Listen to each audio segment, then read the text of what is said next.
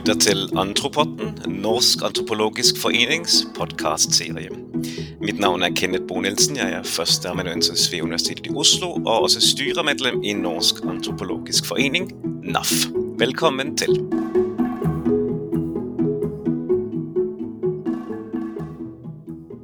I denne episoden setter vi fokus på Norsk antropologisk tidsskrift, også kjent som NAT. Det eneste akademiske antropologiske tidsskrift på norsk, og en helt sentral kanal for utviklingen av et antropologisk fagspråk på norsk. Hvordan står det til med natt i dag, og hvordan ser fremtiden ut i en verden hvor det å skrive på engelsk blir stadig mer vanlig?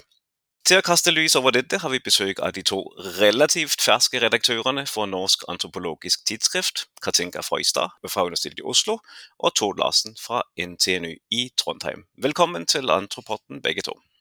Takk. Takk. Katinka Frøystad, dere tok jo over som redaktører for Natt nå i 2022. Hvorfor takket dere ja til, til denne oppgaven? Jeg kan bare snakke for mine egne vegne på akkurat det. Eh, men for mitt vedkommende så var det vel en følelse av at nå var det på tide at jeg ga noe tilbake til den dynamiske utviklingen som norsk sosialantropologi har hatt gjennom eh, alle de årene som jeg har vært eh, involvert i den, dvs. Si fra tidlig 90-tallet. Så det var min tur. Jeg syns jeg har nytt godt av så mange andres hard jobbing at nå, nå får jeg gi noe tilbake. Så det er det ene. Det andre er at jeg i min nåværende stilling som eh, professor på eh, UiO, hvor jeg underviser i indiastudier og religionsvitenskap med eh, hovedansvar for hinduisme, føler litt behov for å kunne lese litt bredere og med litt mer empirisk og analytisk spinnvidde. Så det var også en sånn personlig motivasjon i det. Og du da, Tord, var du også ute på å gi noe tilbake til faget, om man så må si? Eh, jeg har gitt nok. Nei da. Eh, men eh, altså, jeg har vært pensjonist nå i syv år, er det vel. Og da sjansen bød seg, ble spurt av Ada Ingebretsen om jeg ville være redaktør sammen med Katinka, så tenkte jeg at det var en måte å knytte seg nærmere til faget igjen. Eh, altså Jeg er ikke borte, jeg har fremdeles et lite kontor på Dragvoll eh, i Trondheim. Eh, jeg skriver en del, jeg foreleser av og til, veileder av og til, men allikevel så savner jeg den gamle, nære og, og eh, tette forbindelsen med det antropologiske miljøet i Norge. Eh, for en god del år siden så var jeg Jeg har faktisk vært redaktør en gang tidligere, men det var i yngre steinalder. Eh, da het eh, bladet Hva het det da? da? Antropolognytt. Eh, og da var det Tian Sørhaug, Harald Beyer Broch og jeg som sto med kopieringsmaskin og sånn stemplings... Ikke stemplingssyr, men hva heter det? Sånn stiftemaskin nede på AFI i Ullevålsveien og holdt på med dette her. Så det var begynnelsen og veldig gøy. Så dette er på en måte at jeg vender tilbake til min ungdomsaktiviteter. Veldig moro. Men slitsomt. Mye å gjøre. Ja, jeg lurer litt på eh, Nå, nå er du jo ikke noen uh, fersk redaktør i den forstand, som du sier. Du har vært igjennom dette her en gang, uh, en gang før. Men hvordan gjør man når man tar over det redaksjonelle hovedansvaret for et, for et tidsskrift som, som Natt? For oppgaver man plutselig tar på seg? Jeg kan kanskje svare litt på det. Ehm, det er jo litt sånn 'learning by doing'. Vi fikk en veldig god eh, innføring i Natts redaksjonelle arbeid fra en av våre forgjengere, Ada Engebreksen. Dette her var eh, midt under koronapandemien, men Tord var eh, modig og fløy ned til Oslo. Og vi satt inne på kontoret til Ada, på, eller på et møterom på Nova. Og hun innførte oss da i, i gangen fram mot uh, publisering, og jeg tok febrilske notater. Og etterpå så har vi uh, da uh, learned by doing gjennom av og til å kunne spørre Ada eller Peter hvis nødvendig. Det har ikke vært nødvendig så veldig ofte, men vi har også en veldig god redaksjonssekretær ansatt av Universitetsforlaget som har bidratt til å sikre skal si, en sånn kollektiv hukommelse og fortelle oss hvordan ting bør gjøres, skal gjøres kan improviseres eh, osv. Og, og siden så har vi egentlig bare ja, utviklet vårt eget jeg si, kommunikasjonssystem, har vi ikke det, Tord? Det har vi nok, og Katinka og jeg kommuniserer godt. Vi var også heldige i den forstand at vi overtok eh, redaktørplassene rett etter eh, siste konferanse i Bergen, som var i november i blir det 2020? Eh, der omkring. Og det var jo en vellykket konferanse med mange gode sesjoner. Og da fikk vi i fanget plutselig altså eh, flere opplegg til særnummer fra disse sesjonene. Så der fikk vi en flying start. Og vi kan vel kanskje si at det første nummeret vårt var vinklet litt i retning teknologi, antropologi og teknologi. Uh, og etter hvert så kommer det flere uh, mer eller mindre spesialnummer fra de forskjellige sesjonene på Bergensmøtet. Og det kommer jo nye møter, og disse møtene er en av de viktige, det er flere, men en av de viktige kildene til stoff for, for tidsskriftet.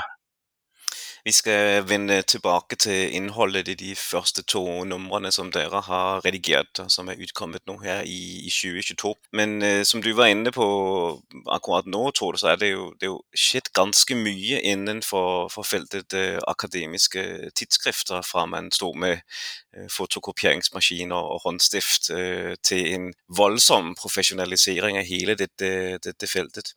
Og bare i, i, den tiden jeg har vært med på, på dette her, det er jo iallfall to sånne større endringsprosesser som, som, jeg, som jeg tror vi alle har, har bitt merke i. Det ene er dette utvikling i retning av uh, open access-publisering. Altså at man gjør uh, artiklene sine tilgjengelig for, for, alle. At de ikke lenger gjemmes bak uh, betalingsmurer. Og det andre er jo dette voldsomme trykk på publisering på engelsk. Altså at man i stadig større grad Eh, skriver artikler på engelsk. Og Det er jo noe som presser ikke bare norsk som fagspråk, men også eh, mer sånne klassiske akademiske språk. Eh, tysk, fransk opplever også nedgang i antall artikler som publiseres på disse språkene, relativt sett. Det samme skjer jo for svensk, dansk, for, for norsk det er vel også noe dere kjenner på i, i natt. Eh, altså jeg var inne, innom tidsskriftets eh, hjemmeside for et par uker tilbake. Eh, og tror kanskje det var i et av numrene hvor det var to artikler på norsk, og der var det også én på engelsk. Hvordan, hvordan håndterer dere dette, dette, voldsomme press på anglifisering, eller på at, at, stadig flere ønsker å skrive på engelsk, selv i et tidsskrift som har norsk i, i tittelen sin? Hvis jeg kan få lov til å begynne å svare på det. Fordi dette er et press som ikke bare Norsk antropologisk tidsskrift opplever, selvfølgelig. Det gjelder eh, alle de norske tidsskriftene, kanskje. Og det presset er det jo ikke bare vi som har sett, men det er jo også norske myndigheter. Så de har eh, laget en ordning som i, er finansiert av eh, Kunnskapsdepartementet, Forskningsrådet, men også med eh, litt bidrag fra undervisningsinstitusjonene og høyskolene, som heter Hva heter den? Den heter eh, Norske åpne tidsskrift innen humaniora og samfunnsvitenskap, som rett og slett er en slags finansiell støtteordning for eh, publikasjoner på norsk. Og i den ordningen så er det for øyeblikket 28 tidsskrifter, og det vil si at vi som Norsk antropologisk tidsskrift får nå alle forlagstjenester fra universitetsforlaget, som eh, innebærer alt fra eh, redaksjonssekretær til eh, publiseringsdetaljer. Kvalitetskontroll og språkvask og indeksering og jeg vet ikke hva. Gratis gjennom denne tjenesten. Men den tjenesten har selvfølgelig den store haken, og det er derfor den er laget. Og den haken er at da må vi begrense antall artikler som kommer på engelsk. Det er ikke et spesifikt tak for hvor mange vi kan ha. Men jeg tror våre forgjengere praktiserte et sånn cirka-tak på rundt 20 av artiklene, altså av fagartiklene, de som er fagfellevurderte, som da kan være på engelsk. Og det er noe vi jeg tror vi prøver å holde på. Det er ikke noen stram rød linje, men allikevel. Så vi, vi, gjør det sånn at vi, for å kunne fortsatt være med i denne ordningen, er nødt til å ha et overveiende flertall av våre artikler på norsk. Fordi denne ordningen skal sikre et norsk fagspråk og røkte et norsk fagspråk, i tillegg til å sørge for eh, høy faglig kvalitet og open access-publisering. Ja, Eh, hvis jeg bare kan føye til litt. Altså, til og med tyskerne har jo et sånt, eh, ikke slagord, men et ordtak nå for tiden. Altså, tyskerne sier eh, 'publish in English or perish in German'. Eh, så det er eh, virkelig også et problem for de store språkene, sånn som tysk og fransk og sikkert italiensk og spansk. Ja, spansk er jo enda større språk, da. Eh, men jeg tror en, en, noe som hjelper her, er den lange tradisjonen for norsk språkrøkt. Den kommer delvis av språkstriden. Den kommer delvis av nynorsk motkultur og en del sånne ting som virkelig har stimulert interessen for at norsk språk skal kunne eksistere, og av alle typer på alle typer domener. Altså at vi også skal ha et norsk akademisk språk. Det er det i hvert fall forståelse for blant politiske myndigheter, og jeg tror også blant folk flest, ikke minst akademikere. Ehm, sånn at eh, altså, Vi kan nok ikke få dette tidsskriftet opp til er det klasse to som er det beste nå, eh, men altså det er ikke artikkeltørke. Det var snakk om for noen år siden at det var for få artikler som kom inn til, til publisering. Det har ikke Katinka jeg opplevd. Det strømmer faktisk på så vi knapt kan anda, og det er jo virkelig godt, altså. Jeg ser lyst på dette her, og jeg er også veldig glad for at uh, vi kan publisere akademisk på norsk. Og det gjør mange andre fag også. Har, noen av de følger jeg med. Jeg følger med i Norsk filosofisk tidsskrift, et ypperlig tidsskrift med filosofi på norsk. Uh, norsk litterært tidsskrift, også ypperlig tidsskrift. Og selvfølgelig historisk tidsskrift og sånne ting, som ofte dreier seg om norske forhold. Så eh, ja, det er et trykk i retning av å publisere på engelsk, særlig når det gjelder konkurranse om stillinger og den slags ting, og, og artikler i, i eh, den, den, beste kategorien. Men jeg ser forholdsvis optimistisk på framtida på dette området. Hvis jeg bare kunne uh, få tilføye at jeg tror Det er mulig at det har gått litt tregt, men jeg tror en del av forfatterne i natt begynner virkelig å innse hvilke muligheter som ligger i open access-publisering. Eh, fordi Vi har jo nå et tidsskrift som ikke bare brukes til å kommunisere internt med andre antropologer i landet og kanskje ellers i Skandinavia, men som kan brukes til virkelig å synliggjøre hva antropologisk kunnskapsproduksjon kan bidra med i, eh, i f.eks ved å, å, komme med skråblikk på ulike debatter som løper i og utenfor Norge. Eh, og Det er ganske viktig at vi får det fram for å vise hva vi kan overfor våre eh, sosiologiske, statsvitenskapelige, humanistiske, si, humanistiske kolleger osv. Så, eh, så det å bruke tidsskrifter på en litt annen måte, og kanskje innse at vi, vi har et tilleggspublikum nå som vi i hvert fall ikke hadde i Antropolognytt-perioden, det er viktig, altså. altså. Det gir oss nye muligheter.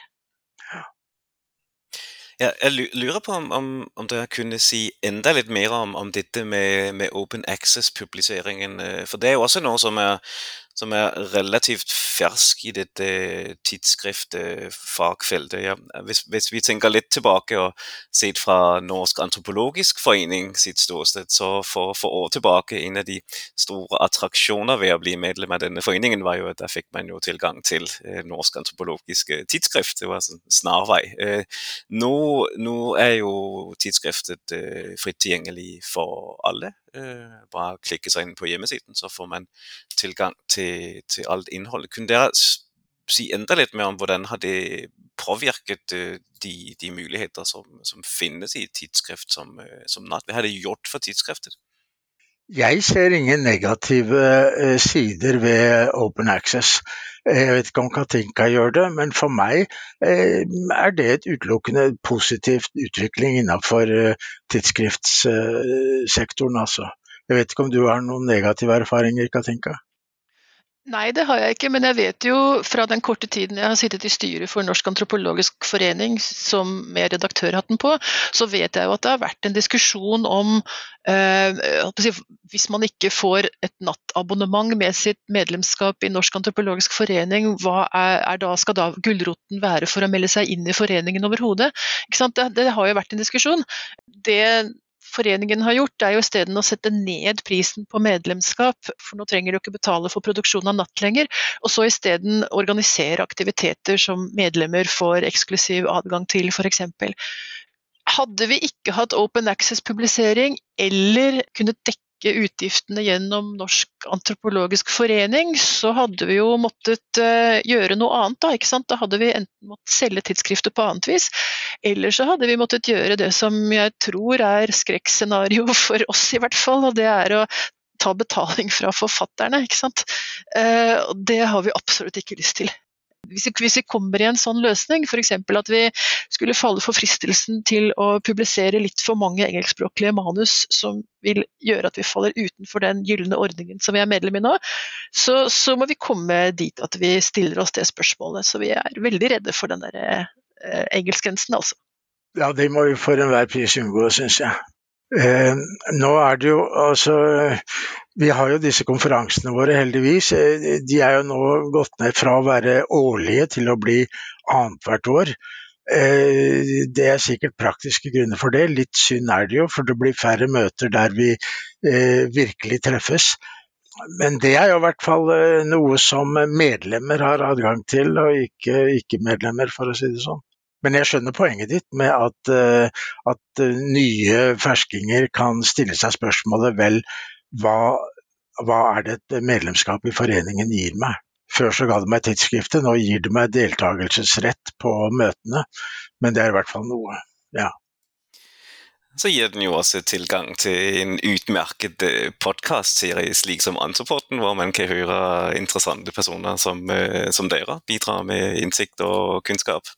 Hvis jeg kan fordele en enkel liten sånn eh, personlig bekymring som ikke har noe med, med, natt å gjøre, men som har å gjøre med det å, å, å drifte tidsskrift mer generelt sett, så er jeg også selv med i redaksjonen på et par akademiske tidsskrifter. Disse er da engelskspråklige, og øh, en av mine oppgaver er det å finne fagfeller til å vurdere de manus øh, som blir sendt inn til dette tidsskrift.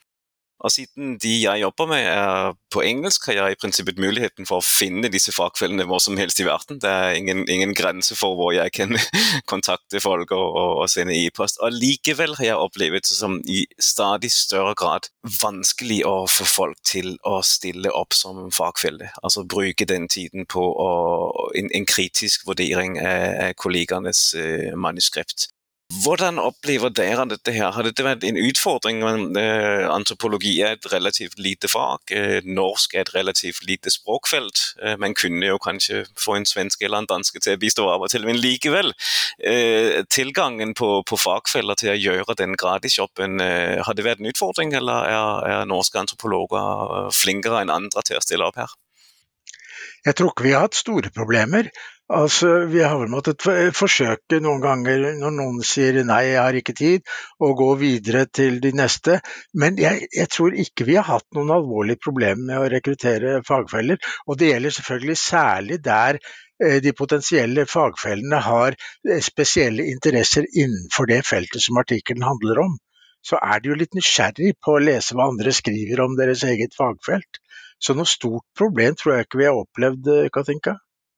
Ja, jeg er enig, og jeg er egentlig litt forbløffet selv på en positiv måte. For jeg husker at våre forgjengere de bekymret seg litt over at det kunne være litt vanskelig å finne, finne fagfeller eller finne folk som, som, kunne ta seg tid til å lese gjennom og vurdere artikler for oss. Men hos oss har ikke det vært noe særlig problem hittil. Og jeg lurer på om det kan ha noe å si at vi er Redaksjonen er sammensatt på en sånn måte at vi representerer ulike generasjoner, ulike fagfelt og også tre ulike byer, hvis vi da regner med Marianna Betty ved Universitetet i Bergen, som er vår bokmeldingsredaktør. Så vi har et ganske stort nedslagsfelt til sammen av, av, faglige kontakter som vi kan henvende oss til personlig. Og vi bruker jo f.eks. ikke disse her autogenererte eh, e-postene som vi får gjennom sånne profesjonelle systemer, som jeg nylig fikk fra deg, Kenneth, da du skulle rekruttere meg til å være fagfelle. Eh, men vi henvender oss personlig, og når jeg skriver sånne brev, så eh, hender det ofte at jeg minner de på at dette her er en dugnadsinnsats, og en gang er det din tur som skal bli vurdert. ikke sant? Jeg sier jo ikke det direkte. Men, men jeg, tror at det hjelper. Jeg tror norske antropologer virker som om innser at vi, vi, er et lite miljø, og skal vi ha et tidsskrift, så må vi faktisk gjøre sånne ting. Og det er veldig fint. Absolutt.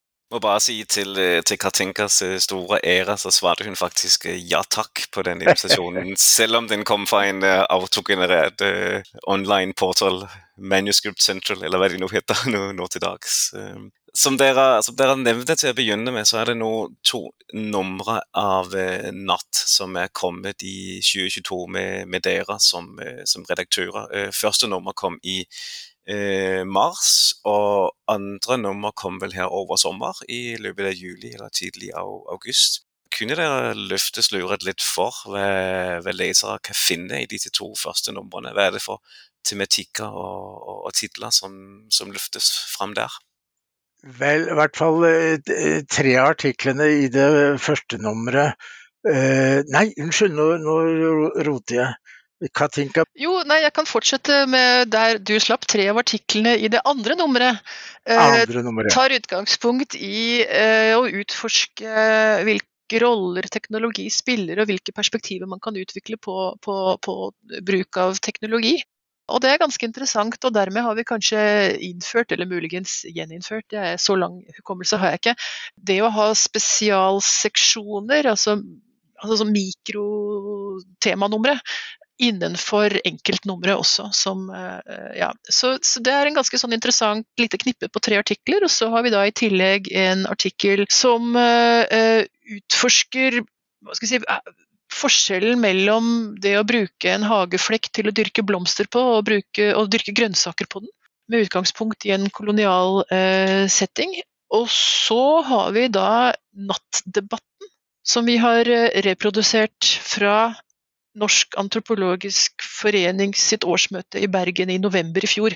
Alle deltakerne i nattdebatten har fått anledning til å eh, pusse litt på sine manus, men ikke så veldig mye mer. Eh, og vi har publisert den, og det er et veldig interessant debatt, egentlig, som tar utgangspunkt i spørsmålet om hvorvidt antropologi bør avklare kolonisere seg selv for å forstå eh, konflikter i dagens verden. Og, så den tar rett og slett utgangspunkt i denne voldsomme stormen omkring avkolonisering i akademia som har blåst rundt oss i flere år, og henter den inn til, til eh, internasjonal og norsk antropologi.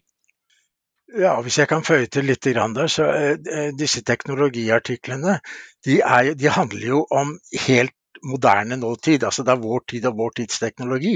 Og, men samtidig så, så, henger de seg jo på et av de eldste temaene i antropologien. Altså teknologi som betingelser for bestemte samfunnsformasjoner. Og dermed så er det både noe helt nytt og noe helt samtidig, samtidig som det knytter seg til eldgamle eh, diskusjoner i faget omkring relasjoner mellom eh, teknologi og samfunnsform og kulturforståelser skibekdanser.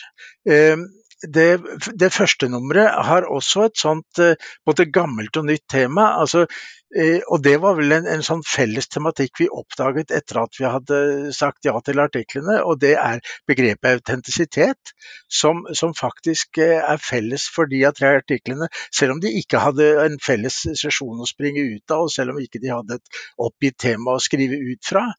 Eh, så det viste det seg at eh, eh, tre av artiklene dreide seg om vår forståelse av autentisitet. Og det er jo igjen et sånt eldgammelt engasjement eller konsern i antropologien om hva som er autentisk og ikke autentisk, og om selve begrepet autentisitet, som jo egentlig er gått ut på dato, og så dukker det stadig opp igjen allikevel, ikke minst i forbindelse med avkolonialiseringsdebatten hvor altså det ligger under overflaten eh, i, i, denne, i, denne, store debatten. Og der kommer jo det årets eh, siste nummer. Eh, November-desember, kanskje. Eh, hvor langt er dere kommet med, med planleggingen av, av, den? Og kan dere løfte sløret litt for hva vi har i vente om et par måneder? da? Ja, nei, Vi har ikke fått manuskriptene enda, men vi, etter planen så skal vi få inn et knippe artikler om urban antropologi. Uh, og Jeg ser veldig fram til å lese de manuskriptene og, og gå gjennom dem og se hvor, hvor, de kommer til å ta debatten nå. Så vi, vi, venter i spenning. Og Jeg håper også at det blir sånn type, et sånn type spesialnummer som kan ha en slags uh, gammeldags global orientering, altså som tar ett og det samme spørsmålet ut i ulike deler av verden, der du får ulike artikler med, som innhenter eh, empiri fra, ja, fra, fra, alle de hjørnene av verden som antropologer faktisk drar. Og Grunnen til at jeg sier dette, er at eh, jeg hadde en sånn eh, liten opptelling av eh, hvor nattartiklene hentet sin empiri fra da jeg, jeg fikk invitasjon til denne podkasten like før sommeren. Og da gikk jeg gjennom alle artiklene som Natt hadde publisert siden 2015, og til og med forrige nummer, og fant faktisk noe ganske interessant. Og det er at ca. to tredjedeler av alle artiklene som Norsk antropologisk tidsskrift publiserte i den perioden, springer ut av empiriske undersøkelser i Norge. Sånn at Norsk antropologisk tidsskrift er et uh, tidsskrift som virkelig har uh, klart å fange interessen blant forfattere som skriver fra Norge om norske samfunnsforhold, og det er veldig bra. Men vi trenger kanskje også å, å hente litt tilbake den brede, globale, internasjonale orienteringen som faget jo har hatt og skal ha og bør ha. Selvfølgelig, Den eh, balansen og tendensen mot at det vipper mot norsk empiri, har jo selvfølgelig sammenheng med at veldig mange norske antropologer har sitt arbeidssted i Norge og jobber derfra. ikke sant? Eh, og det stoffet de publiserer, eller eh, forsker på, det, det, det må jo ut. Og Natt er en fin publiseringskanal for det. Men jeg er veldig glad for at vi nå får dette nummeret om urban antropologi, som, som, som utvider horisonten litt for oss igjen. Det er fint. Og eh, jeg var ikke på den sesjonen i Bergen som handlet om eh, urbanitet og urban anthropology. Eh, jeg vet at det kommer en artikkel om Paris, det skal bli spennende. Men igjen så er det altså en både ny og gammel tradisjon i faget. Min gamle lærer Aksel Sommerfelt fylte nettopp 96 år, og jeg husker fremdeles med glede på hans forelesninger om kopperbeltet i Afrika. Altså urbaniseringen av Afrika og ulike eh, lokalgruppers reaksjon og forvandling via den form for urbanisering som foregikk på koppebeltet og relasjoner tilbake til til eh, landsbyen og sånne ting. Altså en, en komparativt svær ting omkring eh, et av de virkelig kjente antropologiske nedslagsfelt i tidlig antropologisk historie, The Copper Belt, urbanisering. Eh, og nå er vi liksom i, i, Paris, som skal bli det nye OL, er ikke OL de skal ha snart og sånt. Så igjen sånne ting som peker forover og bakover, og det syns jeg er morsomt. Det er jo noe av som, eh, som, er så fascinerende med, med dette faget vårt. at Det er noen, noen sånn grunnleggende diskusjoner vi tilsynelatende ikke blir ferdig med, men som kommer tilbake til oss i, i både gamle og nye former støtter stadig eh, med, med jevne og faste mellomrom. Um, her helt mot, mot, slutten, hvis det skulle sitte noen som har lyttet på denne episoden av Antropotten og kanskje går og lurer på om de har et mulig temanummer liggende som kunne være eh, interesse for norsk antropologisk eh, tidsskrift, eh, hva skal de da gjøre? Hvordan skal man gå fram hvis man, eh, hvis man, eh, hvis man har gode ideer liggende i skuffen som kanskje kunne være noe for natt? da skal de sende oss en e-post, og så tar vi det der og da. Og jeg vil også si at eh, ikke nøl, det er ikke bare temanumre vi er interessert i. Eh, vi har også noen andre forslag liggende på bordet for de kommende årene, men like gjerne enkeltartikler. Så vi ser fram til å høre fra alle våre lesere, og ja, send oss en e-post. Ja, og altså denne vekslingen mellom temanummer eller seksjoner og frittstående artikler syns jeg er viktig. For ikke alt kan eh, trenge sammen i samme tema. Vi trenger noen fristikkere, vi trenger noen, noen artikler som springer ut i nye retninger og ikke er forhåndsdefinert innenfor en tematikk. Eh, og det kommer. I gamle dager så hadde vi prøveforelesninger på magistergraden, og da strømmet det stadig inn artikler om de forskjelligste temaer. Nå er det vel bare Tromsø som har prøveforelesning til hovedfag. Jeg var nettopp nettopp og hørte på henne i Tromsø. Eh, men kanskje vi også kunne oppfordre eh, de som disputerer å sende sin prøveforelesning.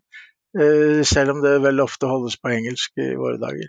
Men foreløpig er det altså ingen, ingen artikkeltørke, og det syns jeg er deilig. Det er gode nyheter, og det er også oppfordringen gitt videre til de som har lyttet med på denne episoden.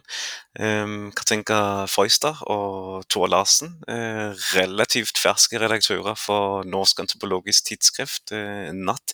Tusen takk for at dere var med på denne, på denne praten om uh, tidsskriftet før og, og nå. Vi ser fram til kommende numre med dere to i spissen. Tusen takk. Mitt navn er Kenneth Bo Nielsen, og du har lyttet til Antropotten, Norsk antropologisk forenings podkastserie.